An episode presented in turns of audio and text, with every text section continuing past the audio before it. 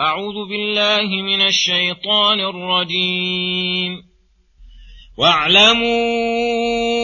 أن فيكم رسول الله لو يطيعكم في كثير من الأمر لعنتم ولكن الله حبب إليكم الإيمان وزينه في قلوبكم ۖ وزينه في قلوبكم وكره اليكم الكفر والفسوق والعصيان اولئك هم الراشدون فضلا من الله ونعمه والله عليم حكيم وان طال طائفتان من المؤمنين اقتتلوا فأصلحوا بينهما فإن بغت إحداهما على الأخرى فقاتلوا التي تبغي حتى تفيء إلى أمر الله فإن فاءت فأصلحوا بينهما بالعدل وأقسطوا إن الله يحب المقسطين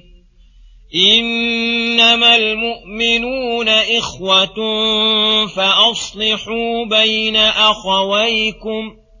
واتقوا الله لعلكم ترحمون بسم الله الرحمن الرحيم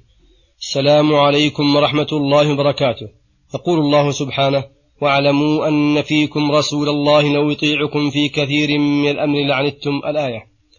اي وليكن لديكم معلومه ان رسول الله صلى الله عليه وسلم بين اظهركم وهو الرسول الكريم البار الراشد الذي يريد بكم الخير وينصح لكم وتريدون لأنفسكم من الشر ومضرة ما لا يوافقكم الرسول عليه ولو يطيعكم في كثير من الأمر لشق عليكم وأعنتكم ولكن الرسول يرشدكم الله تعالى يحبب إليكم الإيمان ويزينه في قلوبكم بما أودع في قلوبكم من محبة الحق وإيثاره وبما نصب على الحق من الشواهد والأدلة الدالة على صحته وقبول القلوب والفطر له وبما يفعله تعالى بكم من توفيقه للإنابة إليه ويكره إليكم الكفر والفسوق أي الذنوب الصغار بما أودع في قلوبكم من كراهة الشر وعدم إرادة فعله وبما نصبه من أدلته والشواهد على فساده ومضرته وعدم قبول الفطر له وبما يجعل الله في القلوب من الكراهة له أولئك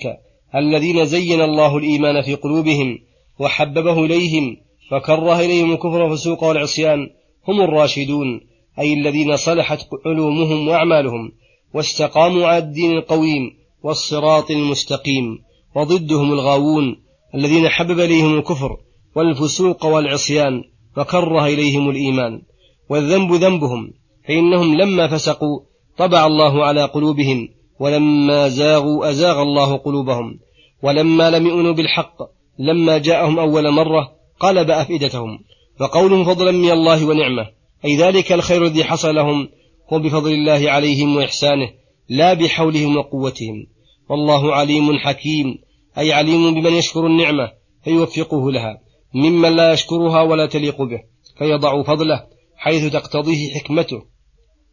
ثم يقول سبحانه وإن طائفتان من المؤمنين اقتتلوا فأصلحوا بينهما الآية هذا متضمن نهي المؤمنين عن أن يبغي بعضهم على بعض ويقتل بعضهم بعضا وأنه إذا اقتتلت طائفتان من المؤمنين فإن على غيرهم من المؤمنين أن يتلافوا هذا الشر الكبير بالإصلاح بينهم والتوسط على أكمل وجه يقع به الصلح ويسلك الطرق الموصلة إلى ذلك فإن صلحتا فبها ونعمت فإن بغت إحداهما على الأخرى فقاتلوا التي تبغي حتى تفيء إلى أمر الله أي ترجع إلى ما حد الله ورسوله من فعل الخير وترك الشر الذي من أعظمه القتال وقوله فإن فاءت فأصلحوا بينهما بالعدل هذا أمر بالصلح وبالعدل في الصلح فإن الصلح قد يوجد ولكن لا يكون بالعدل بل بالظلم والحيف على أحد خصمين فهذا ليس هو الصلح المأمور به فيجب أن لا يراعى أحدهما لقرابة أو وطن أو غير ذلك من المقاصد وأغراض التي توجب العدول عن العدل فأقسطوا إن الله يحب المقسطين أي العادلين في حكمهم بين الناس وفي جميع الولايات التي تولوها حتى إنه قد يدخل في ذلك عدل الرجل في أهله وعياله في أداء حقوقهم وفي الحديث الصحيح المقسطون عند الله على منابر من نور الذين يعدلون في حكمهم وأهليهم وما ولوا إنما المؤمنون إخوة هذا عقد عقده الله بين المؤمنين أنه إذا وجد من أي شخص كان في مشرق الأرض ومغربها الإيمان بالله وملائكته وكتبه ورسله واليوم الآخر فإنه أخ للمؤمنين أخوة توجب أن يحب له المؤمنون توجب أن يحب له المؤمنون ما يحبون لأنفسهم ويكره له ما يكرهون لأنفسهم ولهذا قال النبي صلى الله عليه وسلم آمرا بالأخوة الإيمانية لا تحاسدوا ولا تناجشوا ولا تباغضوا ولا تدابروا وكونوا عباد الله إخوانا المسلم أخو المسلم لا يظلمه ولا يخذله ولا يكذبه متفق عليه وفيهما عن النبي صلى الله عليه وسلم المؤمن للمؤمن كالبنيان يعني يشد بعضه بعضا وشبك صلى الله عليه وسلم بين أصابعه ولقد أمر الله ورسوله بالقيام بحقوق المؤمنين بعضهم لبعض ومما يحصل به التآلف والتوادد والتواصل بينهم كل هذا تأييد لحقوق بعضهم على بعض فمن ذلك إذا وقع الاقتتال بينهم الموجب تفرق القلوب وتباغضها وتدابرها فليصلح المؤمنون بين إخوانهم وليسعوا فيما فيه يزول شنآنهم ثم أمر بالتقوى عموما ورتب على القيام بالتقوى بحقوق المؤمنين الرحمة فقال لعلكم ترحمون وإذا حصلت الرحمة حصل خير الدنيا والآخرة ودل ذلك على أن عدم القيام بحقوق المؤمنين من أعظم حواجب الرحمة وفي هاتين الآيتين من الفوائد غير ما تقدم أن الاقتتال بين المؤمنين مناف للأخوة الإيمانية ولهذا كان من أكبر الكبائر وأن الإيمان والأخوة الإيمانية لا يزولان مع وجود اقتتال كغيره من الذنوب والكبائر التي دون الشرك